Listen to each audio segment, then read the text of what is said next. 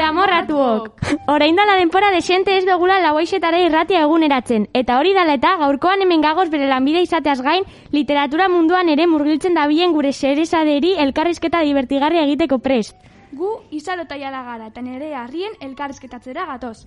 Nere harrien lekeitearra gazteentzako hainbat liburu idatzi dauz. Horrez gain, bere lanbidean ere diarduen idazlea da, idaz irakaskuntzan. Irakaskuntzera dedikatzera bakiban arren, gaztetan piano klasea jasotzen ere mondau denpora. Egunon, nerea, zer moduz daroa zuegun hau hemen lauazeta ikastolan? Primeran espero dugu. Esan dugu moduan, elkarrizketatua izateko pres basagoz, az gaitezan. Argi dago, irakasle izateko, lehenagotik hezkuntza egoki bat behar dala. Horregaitik, gaztetan zin hezkuntza zentrutan egin zenduzan ikasketak? Egunon neskak, ba beitu nik ikasi neban lekeitioko eskolan, eta gero ikasi neban e, Gernikako institutuan. Da hortik jun nintzen e, pianoio ikasketak egine basan ondarruko musika eskolan, eta gero Bilbon, e, Juan Antxieta zentruan. Da, e, biokimikakoak egine basan lehioako unibertsitatean. Horixe, pizka laburtuta. Ziur hezkuntza zentru horiek laboaz eta bezain onak zirela. Eta bertan, emuna leutzuen literatura munduan sartzeko euskarria, zugaz bat eginez, zentrukoen indarreta animoa nabari izan zendun.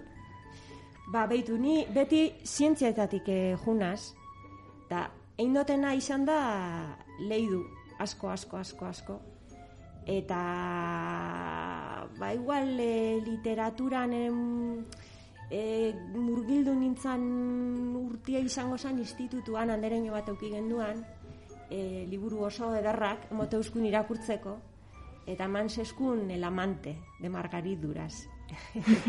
bai, bai. Eta nik ere asko ulertzen, baina zeo zer eukan liburuak, ze literaturan batzutan, gertatzen da ez dela e, ulermena hain importantia. Batzutan, ulertzen ez dozun gauzak atentzino gehiago deitze otzue, eta liburu horren eri, naiz eta ez ondo ulertu. Bai. Atentzino asko deitxo ustan da, eia ustan irakurle. Zueri pasaiatzuan Bai, zeko zer, bai, bai, bai. Azken finean, hori ere zure buruarkiko konfidantza izan ez lortzen da. Bizitzeko momenturen batean presio handi sentituko bazina, idaztari etxiko zeuntzon, ala horrekin jarraituko zeunke, benetan erlasatzeko eta kanpo munduaz nolabait deskonektatzeko laguntza les badilio deutsulako? Ba, beitu, nitzako idaztia da, e, zuak etxo zuek kirolen bat, Bai. korka, edo, bai, ez da? Ba, e, idaztia da nitzako, e, boligrafuakin izerditzia. Izerdia botatzia Bai. e, boligrafuakin. Dorduan, ja, botatzo zunian i- izerdi guzti hori, papelian izto zunian e, zeure garabatuak edo ordenadorian, ja geratzen az plast askoz lasaiago. Orduan, edozein arasan aurrian, edo edozein e, bakinka bizitzak ipintxotzen aurrian, beti, beti saiatzen hasi idazten, ze, bueno, hortxe, ba hori, ba, e, izerdi jabotatzeot, energi jabotatzeot, eta lasaitu etxenaz. Jo, zer antzun polita. Ez da zalantzazkoa, gaur egun hobetzen badoa ere, bizi garen gizartea bat edo beste arazo josita dagoala. Horreri buruz izketan, zein hiru gauz aldatuko zeunkez guk geuk madarikatua bihurtu dugun lur planetatik? Ui, ze, ze erantzun e, gatxa, oso gatxa. Ba, horra rapatu nazu, ze, bueno, oin pandemia goeran gauzela, lehengo eta behin, ba, gustauko jaten, ez, imaginatzen dut, dan hori modura, e, ba, virus, virus hau, le, zapata, a, zapata Bai. azpizan hartu eta zapaldu, ez? Bai. Zueri be bai, ez? Bai. Eta gero, ba, bueno, ba, e, ezberdintasunak, e, gizarte mailan, e, e, aberastasunen banaketa, eta ba, gure nik umia daukat, eta ba, geure txikinari ba, ze, ze planeta ari garen izten, ez? Mm. E, hain kutsatua, eta horrek arduratzen hau. Zue, zueri ere suposatzen Bai, bai, ez? bai, bai. Argi dago harin aldatzeko hiru gauza garrantzitsu dirala. Igaro aliatxineiz burutik irakaskuntza alde batera itxita idaztera besterik ez dedikatzea? bueno, ba, gustauko jaten.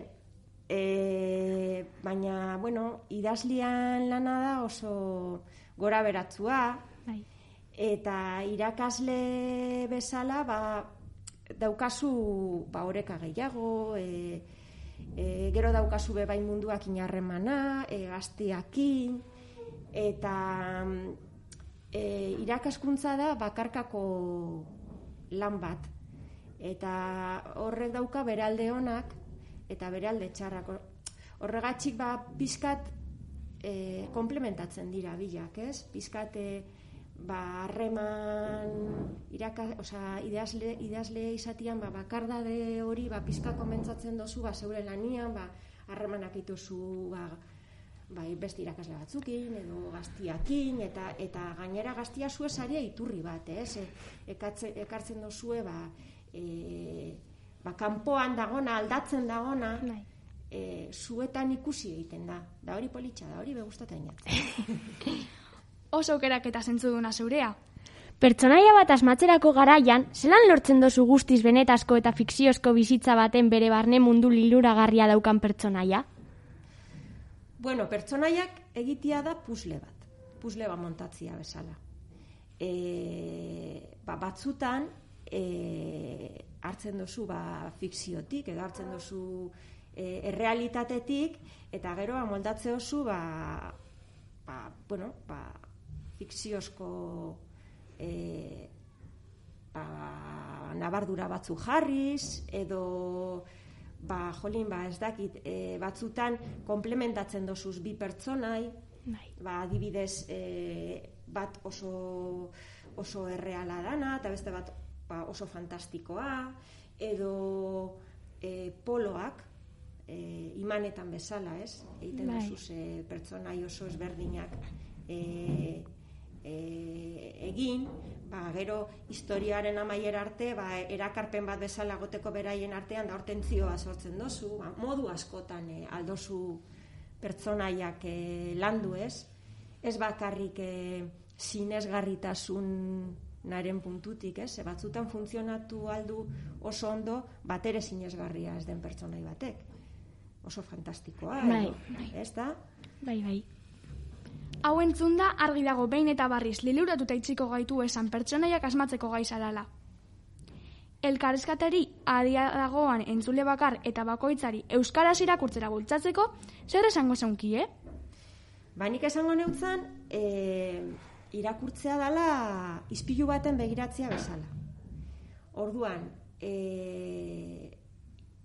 zu ispilu baten begiratzen zarenean, zeure burua ikuste oso, ez? Ba, liburu baten be, papelesko ispilu bada liburu bat.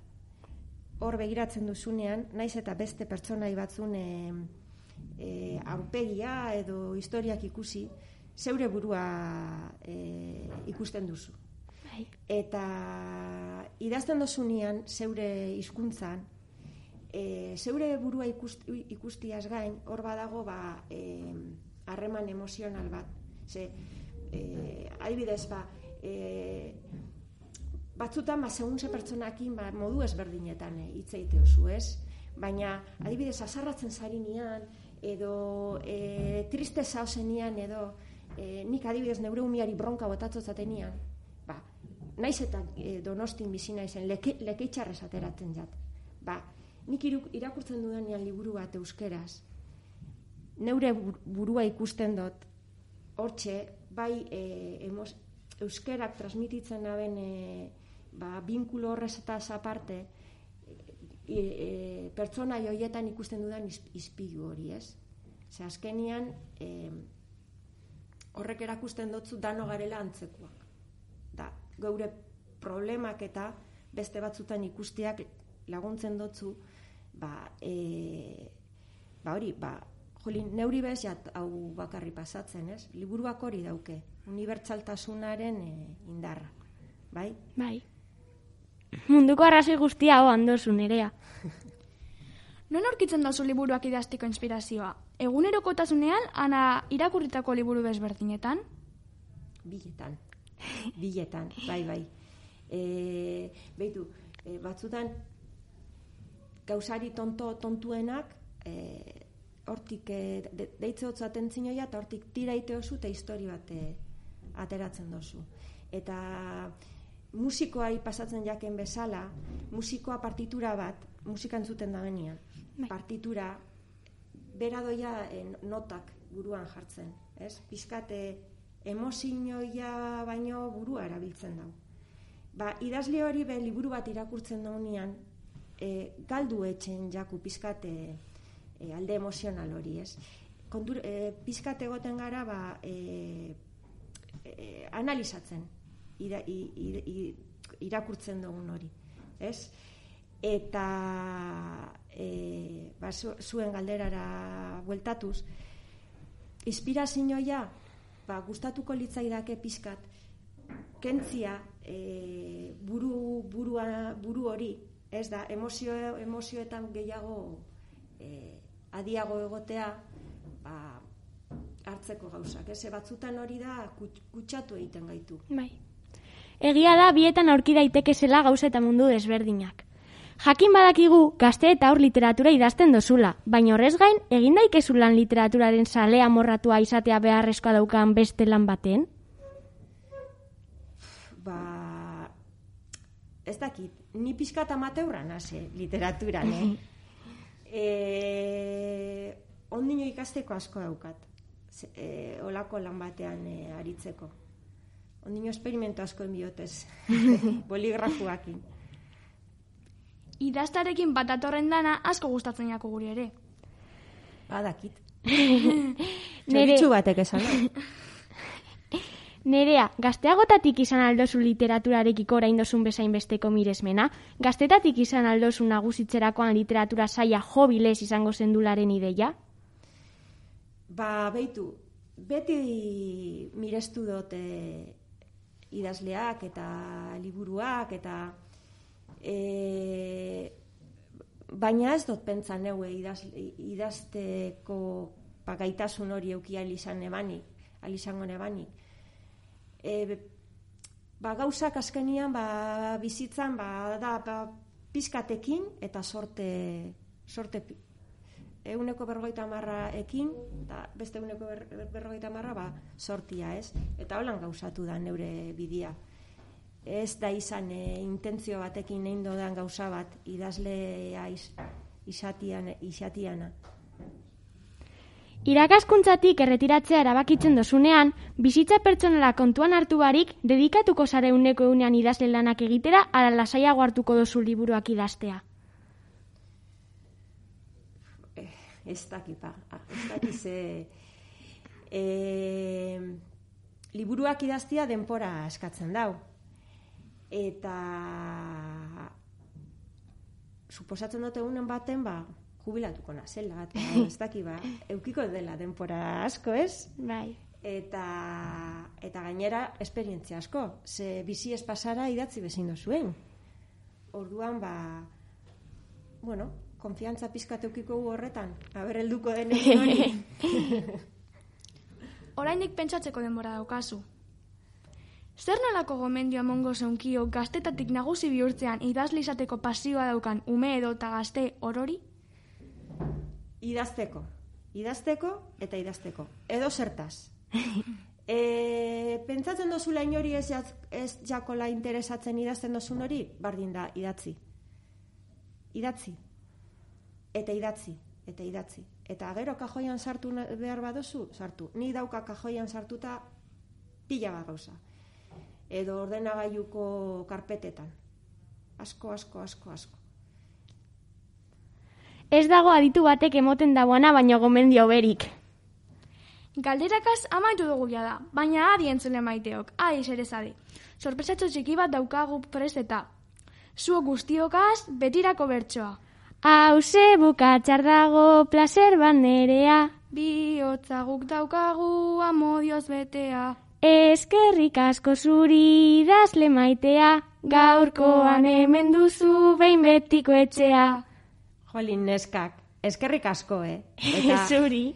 e, elkarrizketa, bueno, edozein e, profesionalen mailakoa izan da, eh? Erantzunak ez dakite ondira zen e, maila bardinean, bai, bai, baina bai. galderak mundialak. Eskerrik asko.